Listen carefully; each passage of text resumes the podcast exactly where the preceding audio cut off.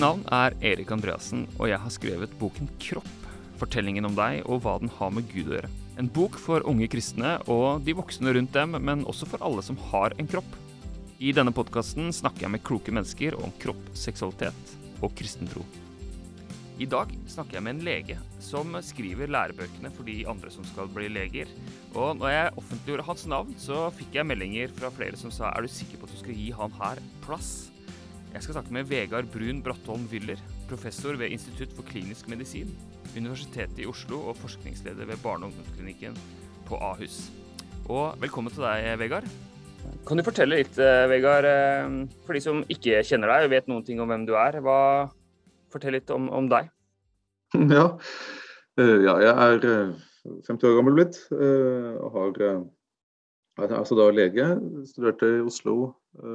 Har vært av barnelege siden 2000, så er det 22 år da, nå som, som barnelege. Og parallelt med det vært forsker innenfor barnemedisin. men med mye av forskningen har blitt, og det har vært litt tilfeldig egentlig, men, men, det har blitt mye rundt dette med kronisk utmattelse og ME. som har blitt si, litt mitt felt. Eh, jeg har også jobbet en del med barn med medfødt hjertefeil ja. eh, som en annen sånn hoved, hovedretning.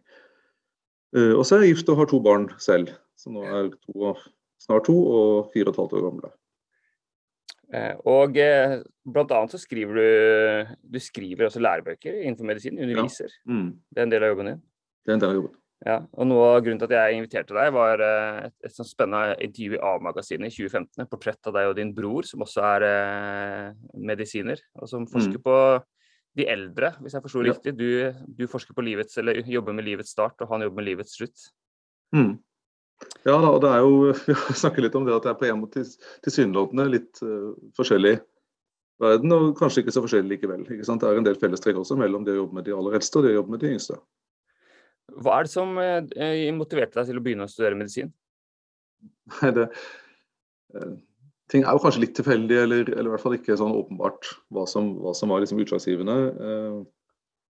Men jeg tror for, for, meg, som for mange, kanskje andre også, så har det vært en liksom blanding av at man ønsket å gjøre noe som, som var meningsfullt, noe hjelpe andre mennesker, altså en slags idealistisk del av det, som jeg tror ligger der for mange. Og så samtidig kanskje en faglig interesse for, for, og jeg tror når jeg begynte å studere medisin, så var jeg nok først og fremst opptatt av si, biologien som, som Eller si, kroppen, da, innenfor dette vi skal snakke om, som liksom, det mm. viktigste.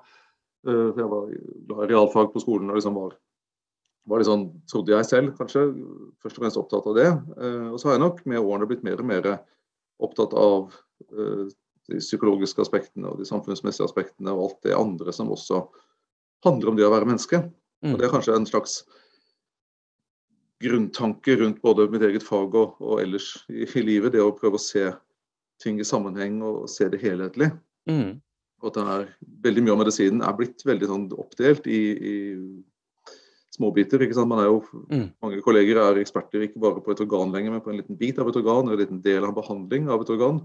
Mm. Som jo er bra på mange måter, fordi man, man, trenger det. Hvis man har en veldig sjelden sykdom i en bit av et organ, så trenger man at noen er ekspert på akkurat det. Men men det man mister med det, er jo på en måte helhetssynet eller si, samvirket mellom, mellom, kropp og sinn, som vi sikkert kommer inn på mer. og sånt. Så, ja.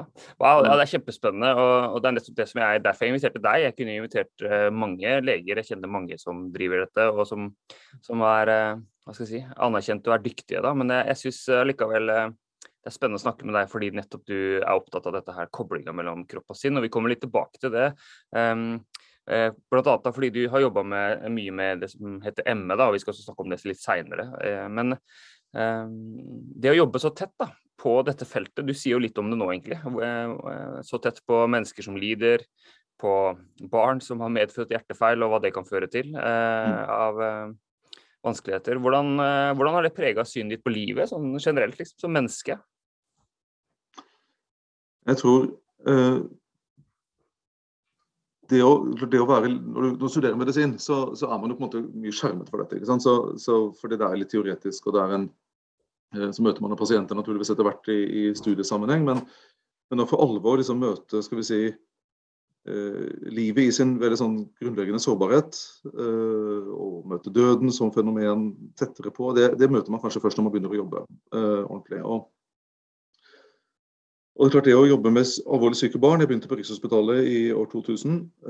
Og jobbet jo da som en del av den jobben også på nyfødt intensivavdeling, hvor du møter barn som er, eller pasienter som er et halvt kilo. ikke sant? De er fryktelig små mennesker i sånne kuvøser. Og jeg tror det for meg satte nok det litt på spissen, også et sånt livssynsspørsmål. ikke sant? Hva er det jeg egentlig jeg tror på? Mm. Og jeg har alltid regnet meg som kristen, men, men, jeg følte nok da at jeg var nødt til å, eller tvang seg frem et slags standpunkt til. Er jeg eh, Enten må jeg være si, ordentlig kristen, altså jeg må liksom tro ordentlig på det, eller så, mm. så må jeg tro på ingenting. Men, men, det var en slags følelse av at her kan man ikke være likegyldig. Mm. Eh, fordi du nettopp møter liv og død i en veldig sånn konsentrert form, hvis du skal, kan si det sånn. Det, ja. eh, og, og, og det, det, ondes problem, ikke sant, hvorfor lider barn, eh, ja. som et slags eksempel på en sånn eller, konkretisering da, av noe mm. som kan være et filosofisk spørsmål, sant, men som ble veldig sånn konkret her. Ja. Liksom, hvordan kan jeg forholde meg til det at det finnes uh, uskyldige, uh, bitte små, lidende mennesker, uh, mm. og noen av dem dør. Ja, Noe som jeg skal tenke om det. ikke sant, og det ja. Så, så, at det for min del ble en, en slags uh, litt sånn, Får litt sånn spark i retning av å forsøke å, å finne et tydeligere livssyn for egen del. Da. Spennende. Eh, det går opp for meg nå, eh, det er en slags spoiler, men boka mi slutter med en, eh, et lite kapittel om, eh, om, om, et barn som dør av hjertefeil fire dager, som er begravet. Mm. Eller boka starter med denne, her, denne opplevelsen vi kan ha å ligge på puta, eller som i hvert fall jeg kan ha noen ganger, hvor jeg kan høre hjertet mitt slå. Mm. Og så tenker jeg, trenger jeg ikke å holde hjertet i gang med min egen tankekraft, men jeg kan samtidig tenke på liksom, hva hvis hjertet slutter å slå nå? Eller sånn, jeg, og det her fenomenet om at jeg både er og har kropp, da, som vi kommer tilbake til. Mm. Så mm. slutta jeg da boka med å skrive om uh, Leonel som var fire dager, og hvor foreldrene bare gleda seg til å bli foreldre, og ingen, ingen, indikasjon på at noe var feil. Og så blir han født, og så viser det seg at han har en uh, hjertefeil da, og, og, dør i løpet av et par dager. Og, og hva det gjør med de, og, og ja, den herre livet, ass. Hvordan kroppene våre Noen bare funker, og andre så ja, lever man i mm. tre dager, fire dager. Og hva gjør mm. det med synet vårt på mennesket? Men eh, noe med det her med å være syk i dag, da. Altså sånn Vi lever jo lenger enn noen gang, og vi eh, Mange sykdommer er jo på sterk tilbakegang, altså hvis man ser på mm. verdensbasis. Eh, og samtidig så er det mange som dør, og mange som lider. og eh, i Norge så bruker vi vel mer penger på helsevesen. Det her er bare å ta jeg har ikke sjekka det, men jeg vil tro at vi bruker mer penger nå enn vi har gjort noen gang. Og har flere eksperter. Og samtidig så er, så er vi jo syke, og vi halter rundt, og flere er sykemeldte. Altså, nå, jeg, mm. nå har ikke jeg, som sagt, jeg har ikke faktasjekka dette, så det er bare mine fordommer eller mine forutinntatthet, kanskje. Men hva, hva, tenker du? Uh, ja, jeg, jeg, tenker kanskje at medisinen har, uh, i hvert fall moderne medisin de siste 100 årene, uh, har oppført seg litt som om døden ikke fins. Lidelsen ja. ikke fins. Eh, og det er klart det har vært en fantastisk mye bra utvikling innenfor moderne medisinsk teknologi. ikke sant? Og innenfor mitt fag så er det jo bl.a. med, med medfødt hjertefeil slik at, at prognosen for alvorlig medfødt hjertefeil er vesentlig bedre nå enn den var for bare 20-30 år siden. Så det er mm. masse der som vi skal være veldig takknemlige for, og som skyldes teknologiutvikling i stor grad. Men det er klart, alt, all medisin er jo på en måte bare å utsette døden. Altså, det er jo noe med at vi sånn er livet. At det er, en, det er, en, utgang og en inngang, for å si det litt mer teologisk. Og, og at, vi, at, medisinen på sett og vis har kamuflert litt da, det, at vi faktisk skal dø. Og, og vi har kanskje blitt litt uh, Dels er det litt sånn overmot, ikke sant? at vi tror vi kan på en måte bare utsette eller bare fikse ting teknologisk, så blir alt bra. Mm. Uh, og Av og til så blir det da ikke det. Av og til så, som sagt, så, så ender sykdom, sykdom med død. Men også også symptomer og plager er noe annet. ikke sant? Og Det kan jo også man ha uten at man alltid kan fikse det. Det er ikke liksom, det er så lett å tro at det finnes liksom en quick fix etter hvert for det aller meste i livet. Mm. Uh, og det er dessverre ikke slik. Uh, så, så, at både medisinen og samfunnet ellers har blitt litt, litt blinde da, for, mm. for uh, noen realiteter her.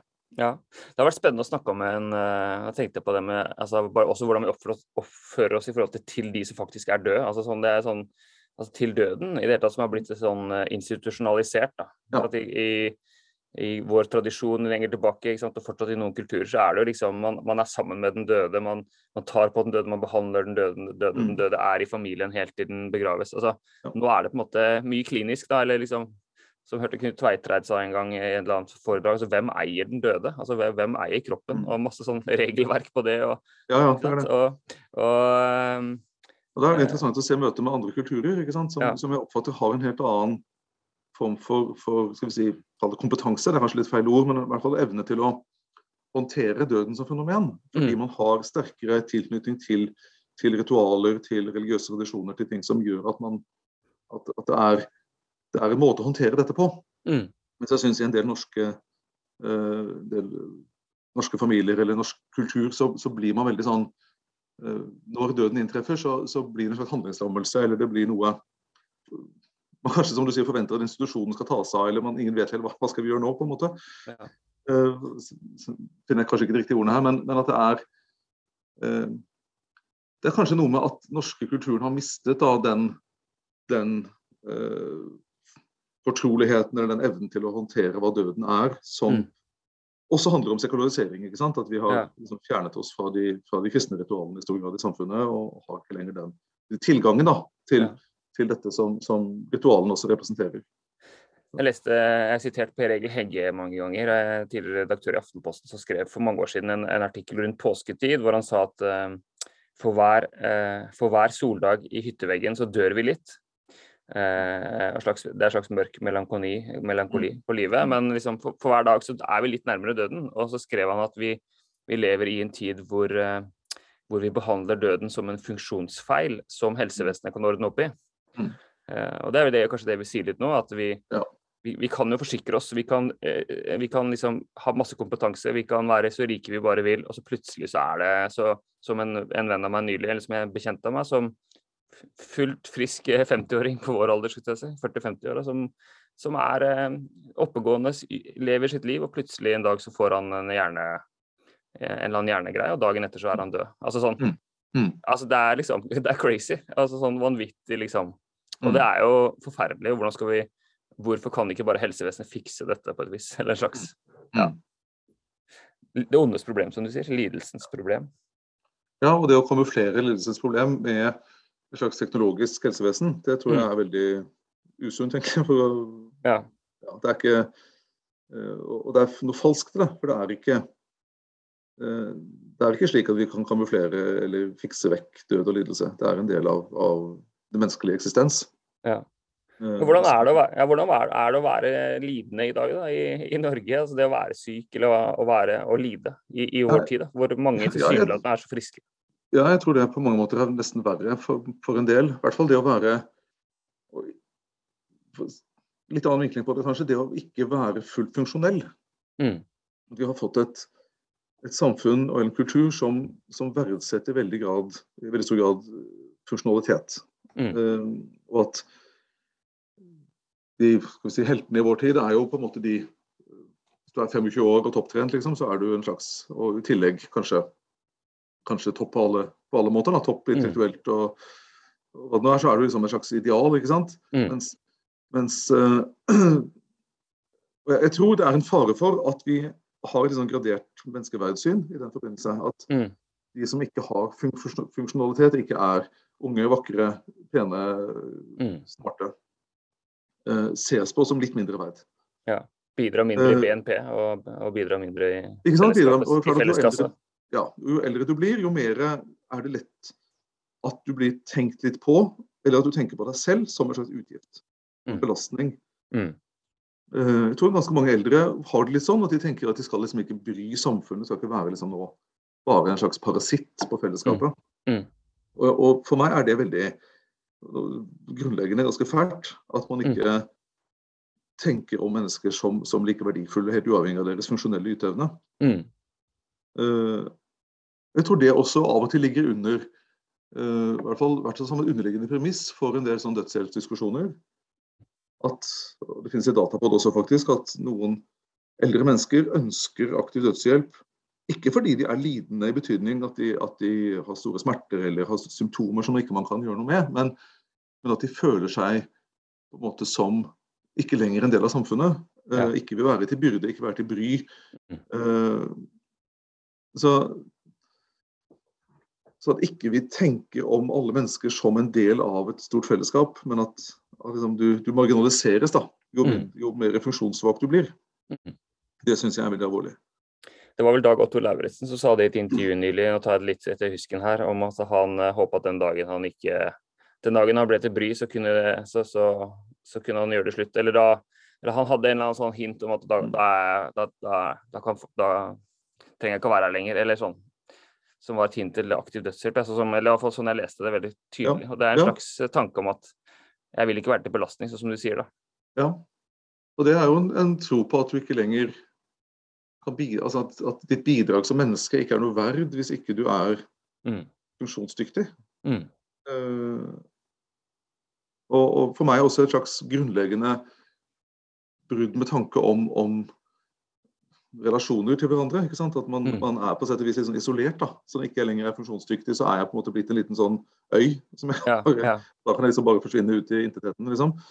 Um, Det er kanskje en del skam knytta til å, være, eh, å være syk, eller liksom at Vi har noen begrep som er sånn derre ja, gå på Nav, ikke sant. Mm. For noen så er jo det liksom Altså det, er det noe de det aller helst ikke vil, så er det å være der. Eller sånn man, Ja. Vi snakker om syke som om de er, som, som du sier, da, en utgift, eller som eller vi, Mm. eller vi setter merkelapper på mennesker som gjør at det, det kan bli en veldig skam, kanskje. Spesielt de sykdommene som ikke er synlige. da. En ting er jo liksom Ja. Hvis Mm. du helt åpenbart ikke kan uh, gjøre en jobb som rørlegger for at uh, du er, har knekt uh, armen, liksom. Men, Mm. eh, men Mm. når du tilsynelatende ser frisk ut, og så kan du ikke jobbe, og så blir jo det en slags mistenksomhet og, og kanskje Ja. skamfølelsen, da, vil jeg, vil jeg tro.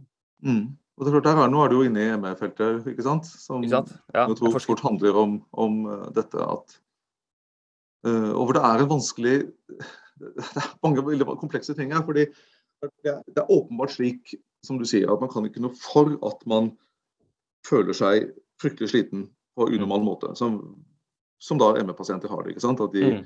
de opplever seg uh, Ved minste anstrengelse så opplever de at kroppen blir helt råtten. Mm.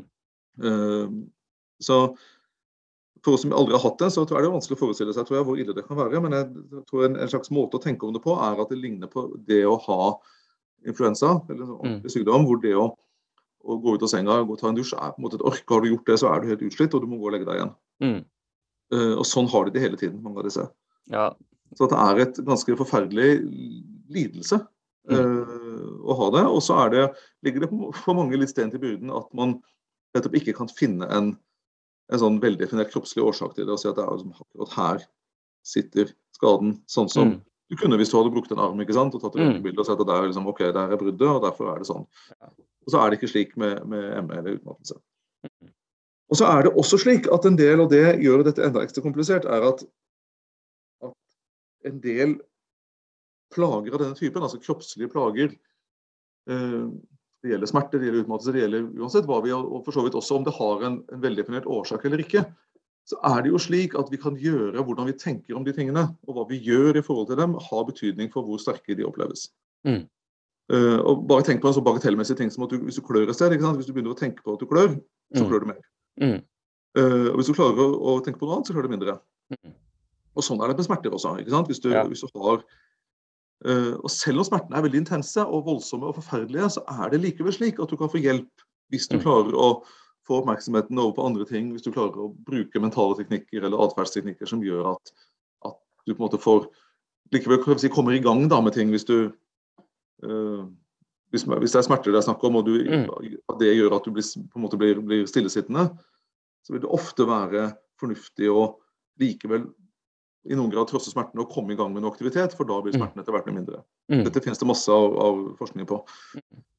Så, men det betyr at man kan jo også faktisk gjøre noe selv. Og den, er liksom balansegangen mellom, mellom at du ikke har skyld i det, og ikke har et ansvar Det er ikke du som er alene med ansvaret for å bli frisk, samtidig som du kan faktisk også gjøre noe fornuftig. Uh, og det å, å for, for å få det bedre selv, da. Det å klare å kommunisere dette på måter som gjør at, at eh, det ikke misforstås dit hen at man liksom bare plasserer ansvaret på pasientene, eller at du er din egen, din egen Ja. lykkes med, ikke sant? Ja. Eller at det er en skam eller skyld eller ting at du ikke du fortjener, fortjener behandling. Um, ja, nå, vi inne, inne, ja, nå har jeg snakket mye med dette, og engasjerer meg veldig, men det er veldig vanskelig å liksom, finne den riktige måten å turnere dette på. da. Ja, virkelig. Og her, og her har du jo helt klart en åpenbar en utfordring, fordi som sagt så, så offentliggjorde jeg at du skulle være med på denne podkasten, og da fikk Mm. jeg flere meldinger fra folk, og også mange som skrev i, eller en del som skrev i kommentarfeltet etter hvert, og som er veldig engasjert i det her. Og, som, eh, og jeg har to lange dialoger med to syke av ME, som bare altså Det er helt hjerteskjærende å lese deres erfaringer, hvordan de har det, hva det gjør med eh, familie, venner. Eh, hun ene som har barn, eh, og som ikke kan følge dem opp, ikke kan eh, være med i deres liv. Eh, altså Det er så utrolig eh, smertefullt å lese eh, og høre, og det kjenner du til òg. Og samtidig så er det den herre da, da følelsen de får, kanskje og Nå er vi liksom midt inne i det jeg egentlig tenkte vi skulle vente litt med å snakke om, men, mm. men, men hvor de da hører Å ja, så du mener at jeg har valgt dette her? Eller du mener at jeg kunne blitt frisk hvis jeg bare hadde tenkt riktig? Altså, Det er det det virker som at de kan høre, da. Men det er ikke det vi sikkert Nei, det Jeg vet ikke hva du vil si. så, Nei. Ja. nei, nei, ikke sant. Jeg, og for å si det først, at det, det at mange av disse menneskene er sterkt lidende, Mm. eh, er det ingen tvil om i det hele tatt. At de er syke, altså noen liksom snakker at dette er ikke en ekte sykdom osv. Klart det er en ekte sykdom, men er jo, de er jo syke, føler seg syke og er syke Mm. og fungerer ikke. Åpenbart forferdelig. Ja.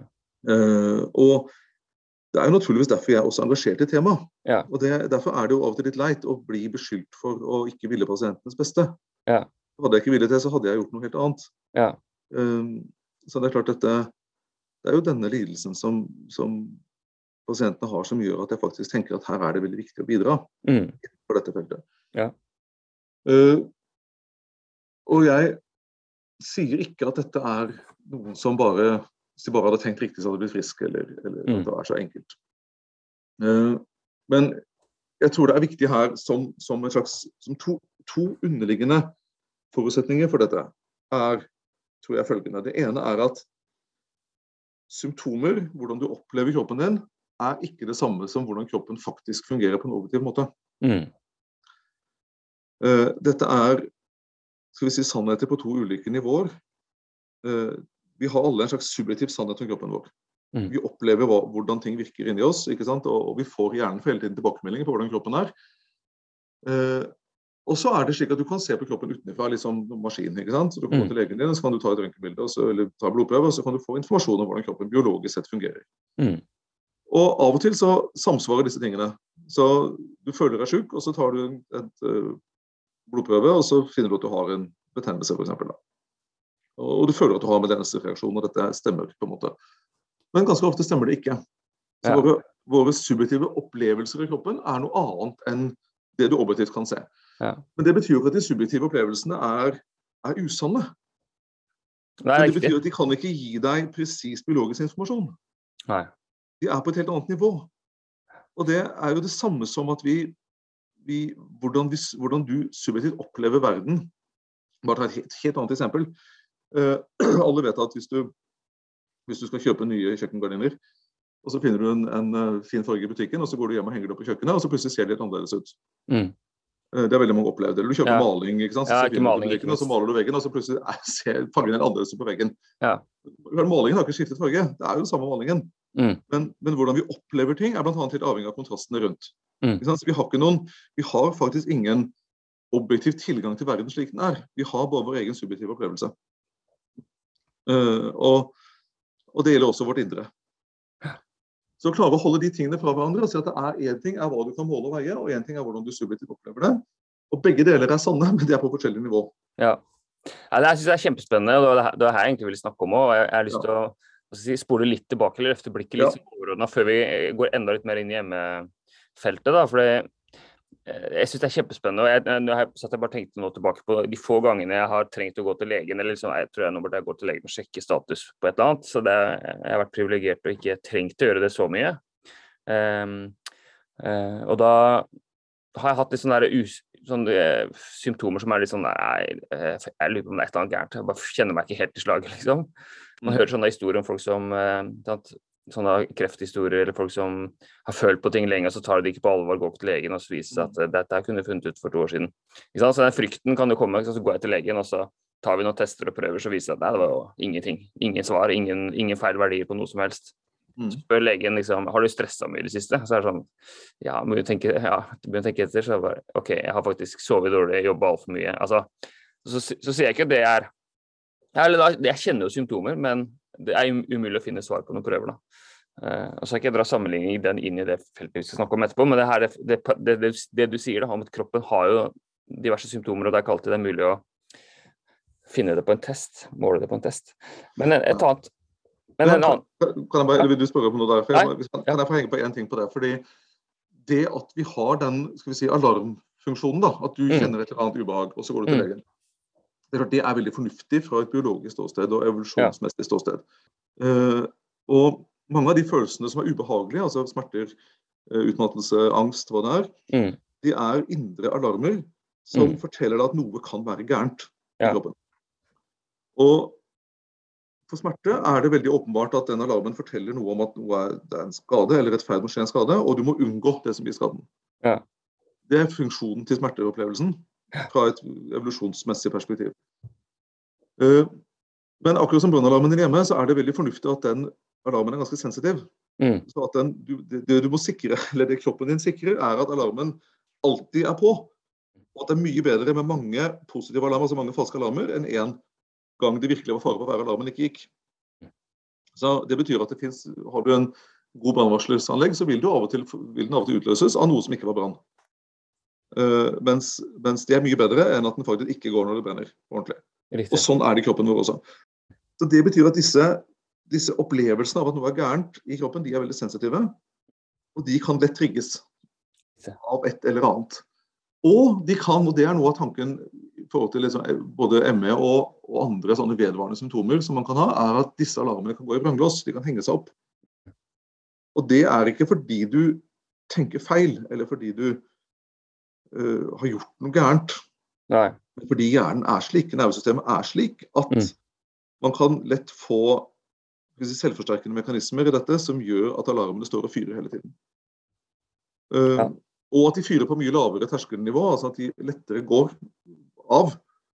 Uh, slik at det skal lite til da, før en smertealarm kommer, eller en utmattelsesalarm kommer, eller angstalarm mm. kommer. Mm. Liksom, bitte lite forstyrrelse til, så, så skjøt mm. alarmen uh, voldsomt. Det handler ganske mye om hvordan nervesystemet er innretta fra naturens side. Uh, og så er tanken at med behandling så kan du faktisk gjøre noe for å skal vi si, normalisere da, alarmenes sensitiviteter. Um, men, men, i utgangspunktet har dette veldig grunnleggende si, nevrobiologiske mekanismer som slår inn her. Mm. Ja, Beklager, nå ble jeg litt ivrig, men, men dette... ja, det, nei, Jeg sitter bare og nikker. Jeg bare, det er kjempespennende. Jeg kan sitte og lytte lenge. så... Uh, men, ja, men nei, det her syns jeg er så uh, interessant. Og, og, denne kompleksiteten og denne påstanden som jeg bruker mye når jeg som også er et slags grunnpremiss i denne boka jeg har skrevet, da, fra Anders Pils, den svenske presten, som sier mm. at uh, vi både er og har vår kropp. Mm. at vi og, og, det kan være gode nyheter, som jeg sier, noen ganger at vi har kroppen vår. Vi kan si, jeg kan si at kroppen min er syk, men jeg har det bra. Og andre ganger mm. kan vi liksom vite, si at jeg har det kjipt, men kroppen funker heldigvis. Altså, sånn der, og så kan jo det også være en slags dualisme i det, men, men, ehm, men eh, ja, eller hva, hva, hører du eh, når du hører det ja. påstanden til Anders Pils? Ja, for nå vil vi kanskje bevege oss ut av, ut av ME og litt over i, ja. teologien eller filosofien her. fordi eh, jeg syns det er interessant og viktig å, på en måte sette, sette på spissen da, et viktig ting om hva det er å være menneske. Mm. Eh, det vil kanskje Kanskje er det litt for meg viktig å tenke litt både og. At vi er mm. Først og fremst er vi personer. Så først og fremst ja. er mennesket en slags uh, sammenvevdhet av mm. kropp og sinn, eller hva du vil kalle det. Mm. Og, og, at det er i mange sammenhenger umulig å dele dette opp. Og en, en hjerneforsker jeg har jobbet mye med opp igjennom, Per Brodal, som har vært, vært uh, professor i sånn nevroanatomi i mange mange år, på, nå er pensjonist. Han sier det at vi, vi, vet jo heller ikke hva en Hvis du tenker at, at hjernen på en måte er der hvor sjelen sitter, eller sinnet sitter, så er det også umulig fra et hjerneforskningssted å tenke seg hjernen uavhengig av kroppen. Det er ikke, han sier det er ikke hjernen som har en opplevelse av smerte, f.eks., men det er personen som har den opplevelsen. Så opplevelsen ligger på et annet nivå enn hjernen er et organ, og det viktigste organet for å oppleve noe. Så vi kan ikke oppleve noe uten å ha en hjerne, men det betyr ikke at opplevelsen sitter i hjernen. Ehm, du kan ikke få, man å si, du kan ikke få strøm inn i huset ditt uten å ha sikringsskap, men det betyr ikke at liksom strømmen sitter i sikringsskapet. Det betyr bare at det er en helt nødvendig del for å få for å, liksom, at all strømmen i huset ditt skal virke. Ja. Um, at, at hjernen også er en helt nødvendig del for at personen skal ha en opplevelse. Ja. Men at, at, at, opplevelsen eller erfaringen eller hva det er, ligger på et, på et personnivå. Så du kan, ikke, du kan ikke tenke seg en hjerne uavhengig av en kropp. Nei. Ingen vet hvordan en hjerne ville fungere hvis ikke den hadde, var inni en kropp. ikke sant? Den ville ikke kunne virke i det hele tatt. Så, så, ja, Det går kanskje inn på litt den der dette som to, ja. ting. ikke sant? At vi er på en måte integrerte størrelser. Mm. Uh, og, og, så er det klart at det er det, det, Jeg tror det på en måte er det viktigste å fastholde. Mm. Uh, og jeg tenker det har en teologisk sett har det liksom en klar uh, forbindelse også til at man tror på le legemets oppstandelse, hele kroppens mm. oppstandelse. At det er, ja. det er ikke slik at liksom, kroppen vår blir begravet og så lever vi evig liksom et der litt diffust spøkelse som ikke mm. har Det er noe ved oss som er i, på en måte forbundet i materien. da. Vi, vi kan ikke måte, tenke oss et menneske som ikke har, har noe materielt ved seg. Riktig. Det er jo det jeg hører. Ja. Men, men, samtidig som det også er klart at vi har en fra noen fra noe perspektiv så er det klart at det er hensiktsmessig å tenke om kroppen som en slags maskin, og om sinnet og viljen og bevisstheten som noe som er si, frigjort fra det. ikke sant? Og vi kan, mm. vi kan se på oss selv utenfra. ikke sant? Vi kan tenke mm. metatanker, altså tenke tanker om oss selv. Mm. Og betrakte oss på en måte fra et utenfra-perspektiv. da. Som jo noe er det som gjør oss til kanskje forskjellige fra alle andre dyr. Ja, er, jeg hørte at det med person betyr eh, i hvert fall sånn Pav Johannes Paul tolker det. altså sånn, det er, eller, eller nå, er mulig, nå tar jeg det på liksom fri, freestyle her, men at det er å ha en indre bevissthet eller en indre verden. på en måte, at det betyr, eh, mm. altså Ordet person handler om det. altså sånn, eh, Du er ikke en ting, men du er en person. altså Du har en indre Ja, sånn som du sier, da. En, mm. Men eh, jeg syns det er kjempespennende fordi at Og kanskje som du sier, da, at vest, vestlig medisin har på en måte kobla disse tingene fra hverandre, kanskje, eller liksom delt opp i mange biter. Og så mm. Og så, man, så, så, har vi liksom tulla med vestens, eller Østens medisinske tradisjoner og disse sjakraene og alle mulige slags eh, tanker om det. Og, og, vi skal ikke gå inn i det feltet også i dag. Eh, men, men, det er jo samtidig kanskje noe å lære av det, en slags mer helhetstanke om hva, hva friskhet og sykdom er. Eh, og, eh, eh, og eh, ja, som jeg tenker ja, Og kanskje var det sånn egentlig også i vår tradisjon, før liksom vi fikk den eh, altså vitenskapelige revolusjonen og, og teknologiske revolusjonen osv. Ja, og, og, i forhold til det, det, siste, så tenker jeg jo at, at det, er, liksom, det, er, to problemer kanskje med, med vitenskapelig, vitenskapelig moderniteten. Som mm. dels er, er, at vi dikotomiserer. Vi tenker at kroppen er en maskin og, og, mm. og sjelen er liksom noe annet. og vi kan mm. da studere kroppen isolert og mm. dele den opp i biter. ikke sant? Og klart Det har, har vi hatt suksess med i noen sammenhenger, men så mister vi også noe veldig helt grunnleggende på veien, som vi snakket om innledningsvis. Og Det andre som er beslektet med det, er jo på en måte reduksjonismen. ikke sant? At vi tror at vi kan forstå mer ved å studere mindre og mindre biter. At vi kan forstå, forstå mennesker ved å bare sekvensere alle genene våre. Ikke sant? Så har vi liksom skjønt hva et menneske er. Som jo også er bare tøys vitenskapelig. Uh, så det er ikke bare at det er dårlig teologi, tenker jeg, men også dårlig vitenskap. Ja. Ja. så, så, i forhold til liksom det vitenskapelige og min, min, egen rolle som forsker, da, så tenker jeg at det uh, også ut ifra vitenskapens eget premiss om å søke en sannhet, mm. så er det viktig å tenke helhetlig. Uh, så det å være forsker må ikke bety at man er bare opptatt liksom av det reduksjonistiske, bare opptatt av å dele verden inn i mindre og mindre biter. Forskning er litt sånn at du må studere liksom noe isolert, men det er faktisk også en vei tilbake. Du må liksom sette den biten inn i helheten igjen. Uh, og Du kan ikke bare da summere opp og si at vi liksom er bare studerer mange mange små biter og så lager du en slags sum. Altså Det er noe med å, å bringe ting tilbake igjen til, til, det komplekse hele som det var en del av. Mm. Uh, så jeg mener jo at vitenskapen har en viktig rolle å spille i å forstå disse komplekse samvirkene mellom, mellom, kropp og sinn, hvis jeg skal bruke det ordet, eller denne mm. helhetsperspektivet eh, på hva det er å være menneske, og dermed også de sykdommene som kanskje nettopp har, har faller mellom flere stoler, som mm. kronisk utmattelse og kronisk smerte og en del andre ting som, som i kanskje spesielt stor grad krever denne helhetstilnærmingen. Mm. Og Når man ikke har det, og helsevesenet ikke har det, så på en måte blir det da eh, mye som ikke blir forstått, og mye som mange pasienter som lider under det. Og Vi skal snart gå litt enda mer konkret inn i det, men bare sånn et sånn eksempel som jeg synes er utrolig fascinerende. det er, eh, Bare for å snakke om det her med hvordan sinn og kropp henger sammen, er jo fenomenene placebo. og nocebo, altså det motsatte av placebo.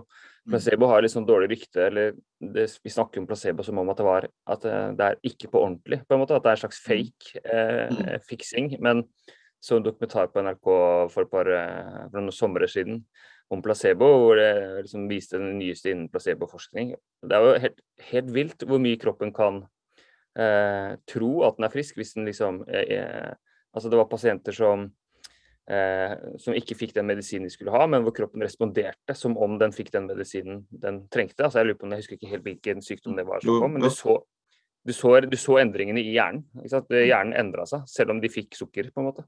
Fordi de trodde de fikk sin vanlige medisin. Og det, det, er, det er kjempefascinerende, og det sier noe veldig grunnleggende om hvordan hjernen virker også. At Ja. vi, at hjernen, eller vi som personer, da, for å bruke det begrepet, vi fungerer veldig mye på forventninger. Ja. Så hjernen lager seg hele tiden forventninger om hva som skal skje Mm. fremover tid. Og det vi opplever, handler ganske mye om de forventningene. Ja. Eh, Ja. Så hvis du har forventning til at en medisin skal virke, Mm. så er det det som styrer hva hjernen opplever. Mm. Og det har kroppslige konsekvenser. Ja, det er akkurat det. For det er ikke sånn at det ikke nettopp Nei, det er ikke bare en idé eller bare liksom Nei, nei. at du går frisk, og så var det, men det, det har fundamentale biologiske konsekvenser både i nervesystemet og resten av kroppen. Ja, og bare for å, bruke noen, bare for å si noen flere eksempler på. For det var sånn som det var, topp, eller var idrettsutøvere som trodde de fikk prestasjonsfremmende midler, Ja. altså type doping, da, som, Mm. som plutselig satte pers på flere øvelser. Det var Ja, banesykling. Mm. Som bare presterte mye bedre fordi de trodde de hadde fått prestasjonsfremmende midler. Ja. Eh, det var eh, folk som hadde trodde de hadde fått ryggkirurgi, altså de, de faka en kirurgi i ryggen. Mm. Eh, og som plutselig kunne spille golf igjen, som ikke hadde klart å gå nesten på kjempelang tid. Altså Det var noen helt ville, ville eksempler. Og kanskje det mest talende eksempelet var de gjorde en studie på pasientkontakt, altså hvor de møtte en, en gruppe pasienter på to forskjellige måter med samme behandling. Det ene, og den ene, I det ene tilfellet så fikk pasientene et veldig godt møte med legen. Legen brukte god tid på eller møte med behandleren da, og, og snakka med dem, hørte historien deres, eh, tok på dem, altså type, type på skuldra, viste eh, empati. Den andre pasientgruppa møtte liksom bare sånn veldig korte beskjeder og litt sånn eh, dårlig, dårlig kontakt.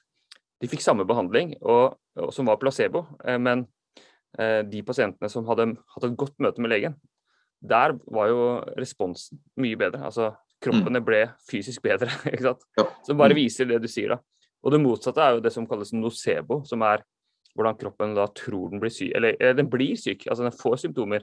Og det er jo et talende eksempel for noen år siden i Horten, som jeg leste på NRK, på postsentralen i Horten eller noe sånt, hvor, hvor det var et hvitt pulver i et brev som, som, som, mm. som eh, eksploderte, skulle jeg si, som åpna Mm. seg i postmottaket der, hvor folk Mm. reelt ble skikkelig syke, fikk pusteproblemer. Eh, det var, liksom, det var utrykning, det var folk som havna, på sykehus. Og så viste det seg at det var hvetemel. Men denne frykten for her er det gift, hva det skapte, og hvordan Mm. kroppen og, og det er jo Ja.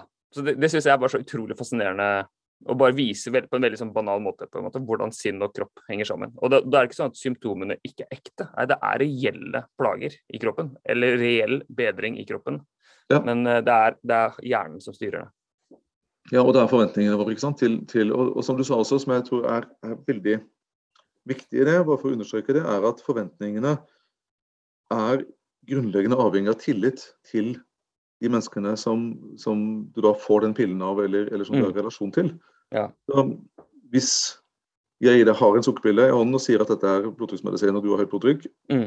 eh, og, og så, er det bare, så er det ingenting, ikke sant? Det er ikke blodtrykksmedisin.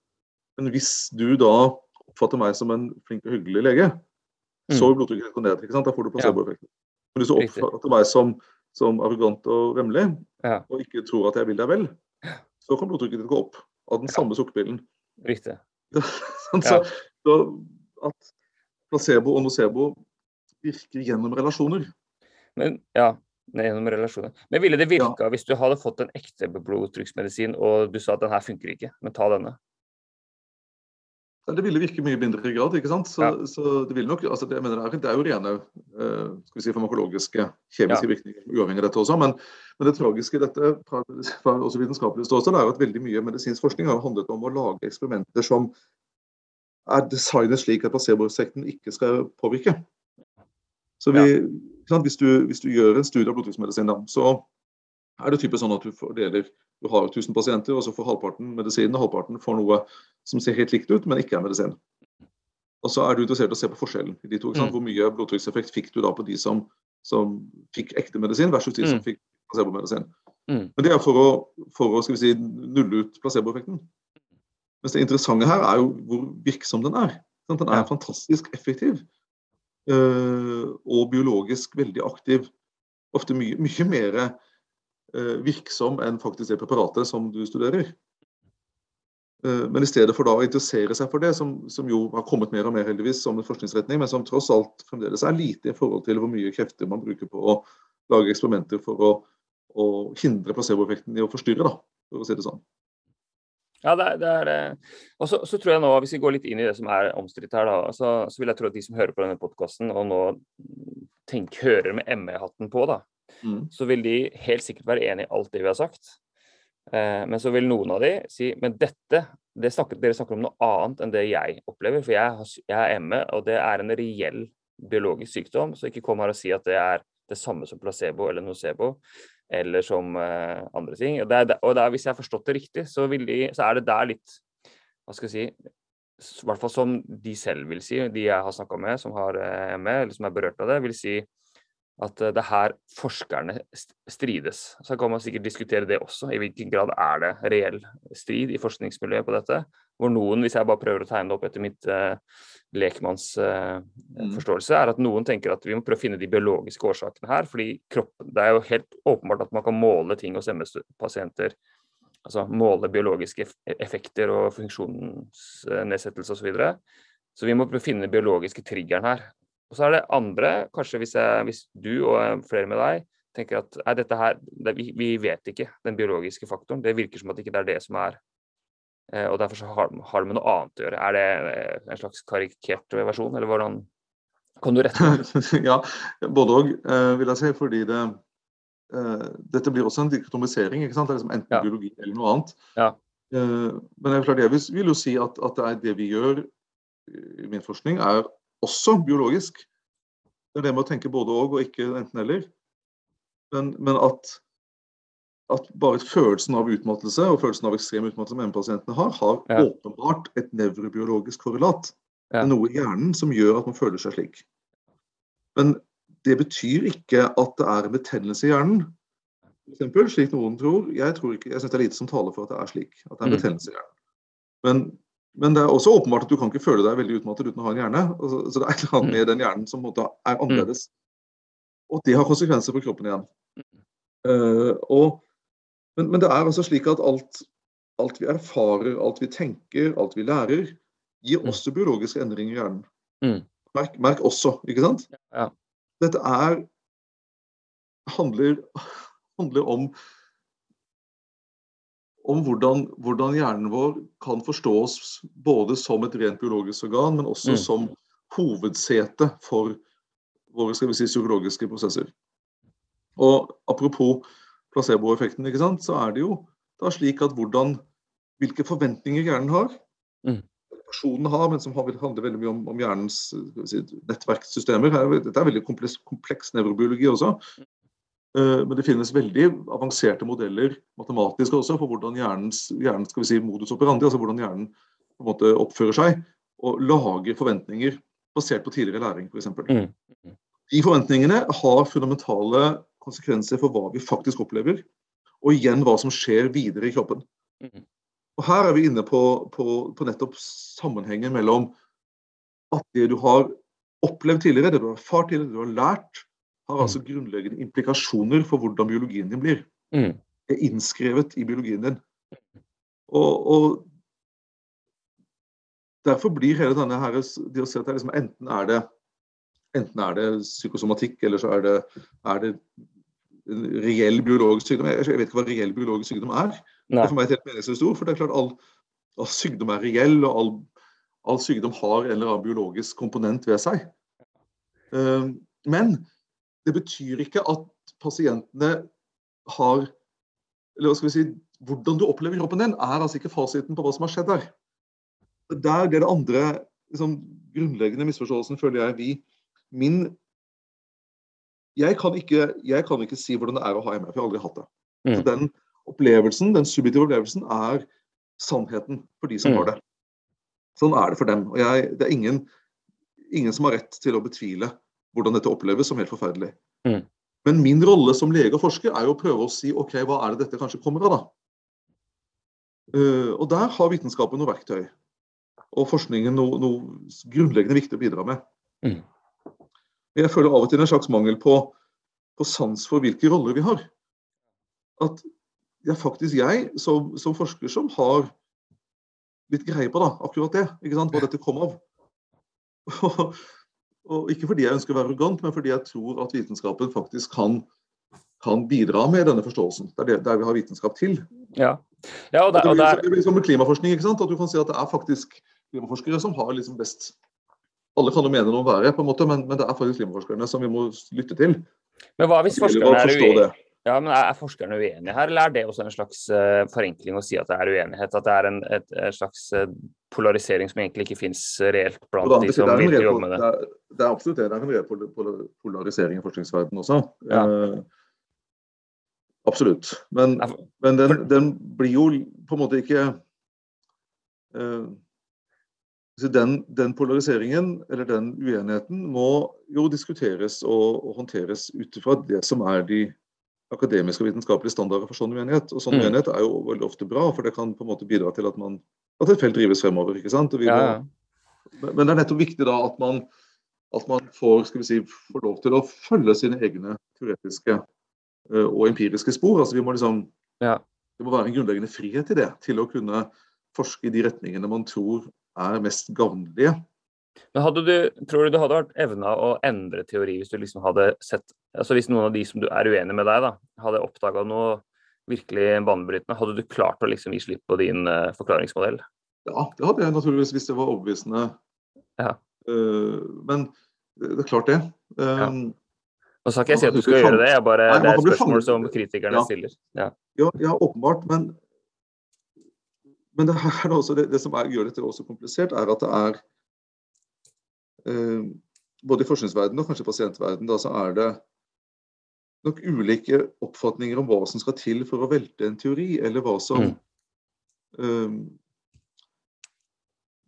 si, hvordan, man forholde, hvordan, man skal forholde seg til, til uh, funn som tilsynelatende kan se motsetningsfullt ut. Uh, fordi, ta, altså et, et, eksempel da, som er uh, knyttet til, til, dette med, med betennelse. Eh, betennelse er en måte kroppen reagerer på på alle mulige skader, altså med typiske infeksjoner, men også ved andre ting. Og Ved autoimmune sykdommer har du da en økt aktivitet av betennelsessystemet som er en del av liksom, immunsystemet ditt. som da er ja. aktivt. Og Det er vist i en del studier at ME-pasienter har litt økt aktivering av betennelsessystemet sitt. Eh, så kan du fortolke det på to måter. Du kan, Hvis du er veldig, som jeg opplever at noen, noen forskerkolleger er veldig sånn biologisk eller tenker om biologi på bare en bestemt måte, så kan man si at OK, vi har økt betennelse, da kan det ikke være noe med tanker og følelser. Sånn, da har vi liksom utelukket alt som har med psykologi å gjøre. Vi har liksom en kroppslig mm. Det er betennelsen det handler om. Men så vil jeg si at, at det er helt klart at, at, jeg tror på de studiene som viser at det er økt betennelse, men vi vet jo at tanker og følelser og opplevelser har konsekvenser for immunsystemet. Mm. Vi vet det bl.a. fra, fra placeboforskningen. Vi vet at forventninger, hvilke, hvilke tanker du har om, om, om, hva som skal skje med deg, faktisk påvirker hvordan immunforsvaret oppfører seg. Så de eh, funnene er absolutt ikke noe som gjør at vi kan forkaste betydningen av psykiske og, og sosiale forhold. Nei. Ja, det, det, det. Så, så, så mm. her er også et veldig sånn grunnleggende ulikt hva kom først, eller hvordan, hva, hva styrer hva? Nei, ja, ikke sant, og Hvordan skal man forholde seg til ulike vitenskapelige teorier, og hva skal til for å falsifisere, ja. da, for å bruke sånn vitenskapelig uttrykk. Men jeg kan jo tenke meg, fordi det som jeg, jeg bare nå noen dager altså Jeg har jo kunnet litt om ME, bare sånn gjennom å høre fra ja. folks liv og det, mm. allment, det som sies allment. Og så har jeg nå bare prøvd å fordype meg litt i det i dagene inn mot denne innspillingen pga. så mange tilbakemeldinger. og og Det som jeg synes er fascinerende, er det jeg opplever når jeg leser det du skriver i diverse artikler og på forskning og i Aftenposten, eller sammen med dine kolleger, og i en artikkel i Aftenposten med 24 kolleger som, hvor du, som, jeg, som jeg opplever eh, sier mye av det du har sagt i dag. Mm. Så, så, sier jo dere én ting, og så hører jeg når de pasientene skriver til meg, så tenker jeg men det er to helt forskjellige eh, versjoner. altså mm. eh, det virker som at det de hører, og kanskje er det sånn fra samfunnets perspektiv òg, at de hører at det er et valg. at det, hvis, hvis, man sier at det har noe med hjernen å gjøre, så, så er det et slags bevisst kognitivt mm. valg man tar. Mm. Eller en sånn Å ja, så du mener at jeg ikke er Jeg har liksom ikke Jeg vil ikke nok. Eller du tror at jeg har valgt å ligge i dette rommet i mørket i fire år fordi at jeg ikke gidder. Eller sånn.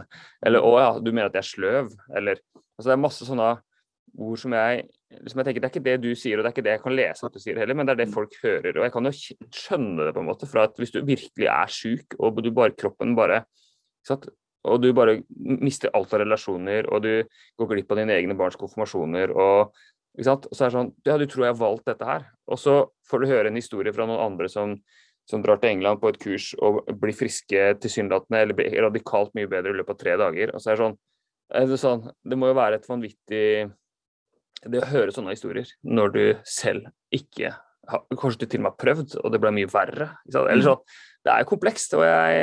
Ja, hvis, hvis det er det. og jeg, ikke sant, Dette med all mulig respekt for den, den lidelsen disse menneskene har. Mm. Uh, og, men jeg tror du har rett i at de, de, de, fortolker meg slik. Og jeg mener jo, som du sier, ikke det. At dette er noe man bare kan velge bort eller tenke, altså bare en sånn quick fix og tenke riktig. og sånn. Samtidig så er det jo også slik at faktisk noen har blitt veldig mye bedre av av tilnærminger som handler om, om, hva du gjør og hvordan du tenker. og sånt. Så det, det er jo på en måte også godt nytt. ikke sant? Det betyr ja. jo at faktisk mange kan Så man må jo ikke heller si at, ikke, at de ikke var ordentlig syke, eller liksom at det, hos dem var det bare ja. alle, alle, her er lidende, og noen får god hjelp av denne type ting, og det skal vi være veldig glade for og takknemlige for. Så er det jo oss som forskere også oppgave å forsøke å finne hva er det som gjorde da, at det faktisk hjalp oss en del, og hvilke mekanismer er det. og og kanskje ikke alle skal ha det i den formen, kanskje andre, ting, andre som kan andre ting osv. Mm. Uh, men jeg tror bare for å si det, jeg tror at noe av grunnen til at det blir sånn som dette, er jo at helsevesenet generelt har vært veldig dårlig i å håndtere denne eller har kommunisert veldig dårlig i forhold til denne pasientgruppen. Mm. Fordi de har ofte fått høre akkurat det, som du sier, mm. at, at man, man, kommer da med en plage til, til fastlegen sin, eller til mm. hvem det er, og så tar man masse, masse øh, og gjør masse utredning. Og så er det noen som kommuniserer til pasienten at nei, det er ingenting. Så dette er nok bare ja. noe du mm. innbiller deg. Mm. Ikke sant? Som jo er forferdelig å si til folk. Ja. ja. det er klart det er noe. Mm. Men det er jo ikke sikkert at det noe er noe som du kan finne i blodprøve. Nei. Uh, men, men, det er lett å skjønne at hvis du blir møtt med det, og, og så gjør du så kanskje sier du, ok, du må kanskje, dette er bare at du er litt, litt deppa eller stressa, så du må løpe mm. litt i skogen. Og så mm. gjør de det, da. fordi de ofte, Mange av disse er jo pliktoppfyllende og veldig flinke og, og ja. gjør som legen sier, og så føler de at det blir mye bare verre. Ja. Og så går de på ny til fastlegen, og så tar fastlegen på nye blodprøver. Eller jeg skal ikke si at alle fastleger er sånn, men noen kanskje møter dem da igjen med en sånn at nei, men dette er egentlig du deg. Mm. Ikke reelt. Ja. Ja. Og, og det å ikke bli møtt med en, en, grunnleggende respekt for at dette er en alvorlig tilstand, mm. uh, og bare få høre, uh, få høre liksom at dette, liksom, du er litt annenrangs, da. Det tror jeg mange har fått høre. Ja. Det er klart at det er fryktelig provoserende. Ja. Og det er klart at det for mange også tror jeg fort blir slik at da vil de i hvert fall finne liksom det må jo være liksom en, en biologisk forklaring ja, her. En gyldig årsak, i, eller årsak, i, i, samfunnets eh, syn på det, så må det være liksom en, en, en Ja, så det er jo ikke, for si det, det er ikke pasienten, ja, ikke sant, akkurat det, det er ikke pasientenes skyld at det har blitt. Det er jo fordi samfunnet eller helsevesenet ikke klarer å ja. kommunisere dette på ordentlig måte. Ja og gå, prøve å gå på Nav og si at eh, liksom, du, jeg, det er sånn diffuse symptomer her, jeg trenger sykepenger. Altså, sånn, det er ikke lett, det heller. Også, det er, ikke, nå var det ikke meningen i sted å snakke dritt om fastlegene, for mange gjør en kjempejobb med dette ja, ja. også. ikke sant? Men, men, at hele, som du sier, hele samfunnet, hele som helsevesenets kultur av og til kan møte folk med den, ja. den holdningen at dette er egentlig bare noe du er skyld i sjøl. Liksom. Ja. Jeg tror vi må gå mot avslutning på akkurat dette temaet, men jeg, jeg tror vi i hvert fall kan bekrefte at dette er, det er reell lidelse. Det er reell eh, mm sykdom. Eh, så er det jo hva eh, altså, Vil vel alle at det skal forskes mer på, finnes, at det er underforska på, på en måte. Vi må finne ut mer. og, og eh, så er det mm, håp for de som er syke. Det finnes mennesker som blir friske. Så vi, hadde det vært fantastisk om man fant ut av denne medisinen her løser problemet, men der er vi ikke ennå. Men, du, men Vegard, helt til slutt. Altså, noe jeg syns har vært fascinerende å tenke på knytta til det vi nå snakker om, og hvordan kroppens kompleksitet, forventning osv. Mm. Det er Jeg er jo en ganske sånn skeptisk type, egentlig, eh, og har mange ganger tenkt at jeg er litt for skeptisk til å være kristen. For jeg, hvis jeg hører en sånn mirakelfortelling, så tenker jeg ja, men det er sannsynligvis en helt naturlig forklaring på det. Blant annet i forhold til helbredelse og mm. kropp. Mm. Når jeg hører mennesker fortelle helbredelseshistorier, så tenker jeg sannsynligvis så var dette placebo eller en naturlig forklaring. Um, og så har jeg før tenkt at det er en trussel for troen, for at å ja, så du tror ikke på Gud. Men nå tenker jeg nei, men det er jo bare fantastisk hvordan Gud har skapt eh, kroppene våre og dette skaperverket. Men, men det er noen ganger jeg kan høre historier som jeg tenker det der skjønner, skjønner jeg ikke. Men ofte så brukes jo legene som en slags sånn eh, I sånne historier så er det sånn ja, Legene ante, visste ikke hva de skulle si. Dette var helt utrolig for legen, forsto ingenting. Mm. Så sier min, en annen legevenn av meg at uh, det, i 99 så kan jo legen ha en eller annen en teori. Men hva tenker du rundt helbredelse, overnaturlig helbredelse osv.? Ja. Jeg grunnet litt på det. Jeg fikk jo det spørsmålet av deg i, ja. forhånd også, og jeg har gått og tenkt litt på dette. Og, ja. uh, jeg har hatt noen få slike opplevelser selv. Uh, av har veldig, vært veldig spesielle. og Særlig en som jeg kan kort fortelle om, med, med et lite nyfødt barn som var kjempe, kjempe alvorlig syk rett etter fødsel. Mm. Og, og, vi var flere leger som, som prøvde å gjenopplive, og det gikk mm. veldig veldig dårlig. og tenkte jeg, Etter liksom en halvtime tenkte jeg at dette barnet dør. Mm. Uh, og så, så velsignet jeg det, helt sånn spontant. Ja. Uh, ved å tegne kors, korstegnet på pannen. Jeg tenkte Det var liksom, det var en sånn desperasjonshandling. Liksom, nå er det ikke ja. noe vi kan gjøre. Vi får bare gjøre det. Ja. Og, og akkurat samme øyeblikk snudde, snudde alt. Ja. Akkurat da. Wow. Uh, og, så, så, og, det var medisinsk helt uforklarlig. Men ingen andre i rommet heller som så hva jeg gjorde. Så var, uh, Og så kan du alltid liksom lure hva, hva var det på en måte som skjedde der. Uh, wow. Den opplevelsen for det for min side var en veldig sånn slags mirakel eller åpenbaring, mm. eller hva du skal kalle det. veldig spesielt. Mm. Barnet levde et døgn etterpå. Mm. Foreldrene fikk møte det. Så døde det. Så det ble jo ikke helbredet i den forstand at at det, levde bare en dag eller to til. Mm. Men, men, det var mulig for foreldrene å treffe det barnet. Mm. Og så var det en klok venn av meg som sa at, at, kanskje var det ikke slik at det var du som gjorde så mye for det barnet, men barnet gjorde mye for deg. Ja.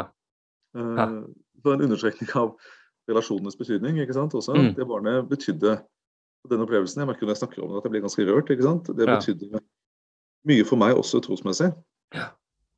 For det opplevdes i hvert fall som en, en form for guddommelig tilstedeværelse.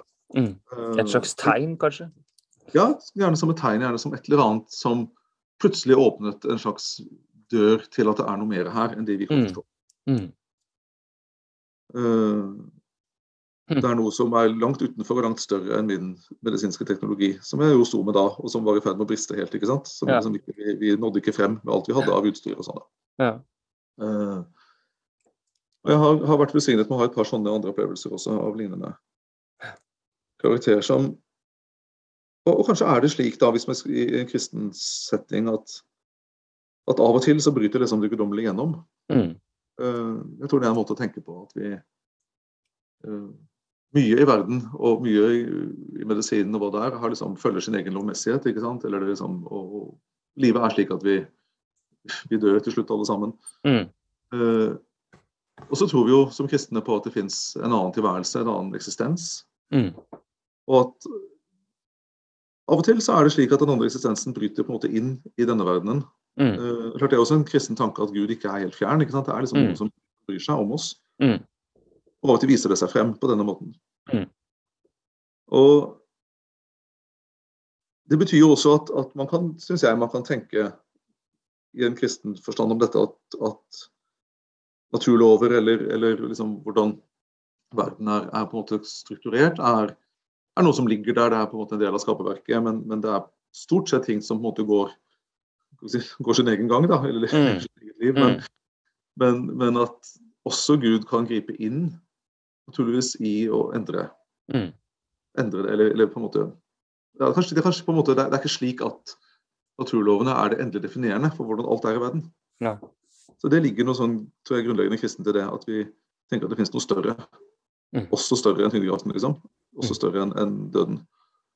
Og av og, til viser det, av og til viser det seg frem. Og det så, så, tror jeg man kan tenke om, om mirakler, da, for å vende tilbake til det mirakuløse helbredelse, kanskje som av og til som tegn. Mm. Som tegn på at det finnes noe større. Mm. Uh, og jeg tror slik vil man jo, ja, som du kanskje vet selv, katolikk, uh, og klart, den katolske tradisjonen dette har jo nettopp vært å si at vi vi gransker alle sånne, alle sånne eller Katolsk kirke gransker jo slike rapporter om helbredelse veldig grundig. Mm. eh, og man, ofte finner man andre forklaringer, ikke sant? men så Mm. kommer man igjen med et litt knippe av ting som man ikke kan begripe medisinsk, og man tenker dette har på en måte er en, en, en tegn, da, er en inngripen. Mm. Uh, og uh, jeg tenker at det er en måte å, måte å forstå det på. Mm. Uh, at det fenomenet fins, av type uforklarlige hendelser. Mm. Eh, og at det i en kristen setting er, er lov å tenke at det er, er tegn fra Gud. Ja, det er fint.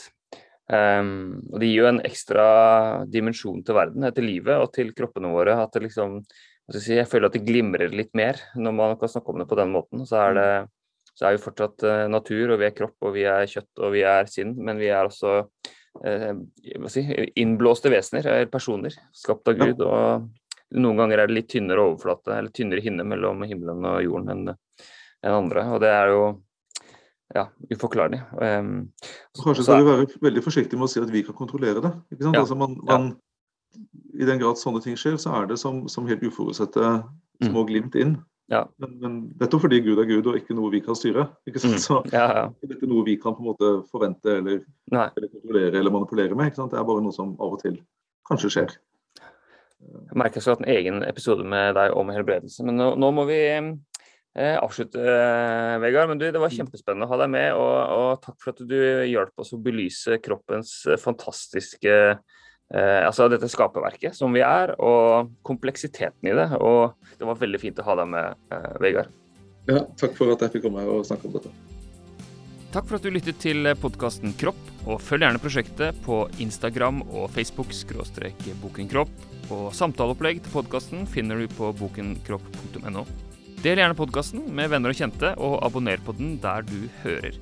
Produsent er Silvio Carvalho. Prosjektet er støtta av KOSTUD. Ha en god dag.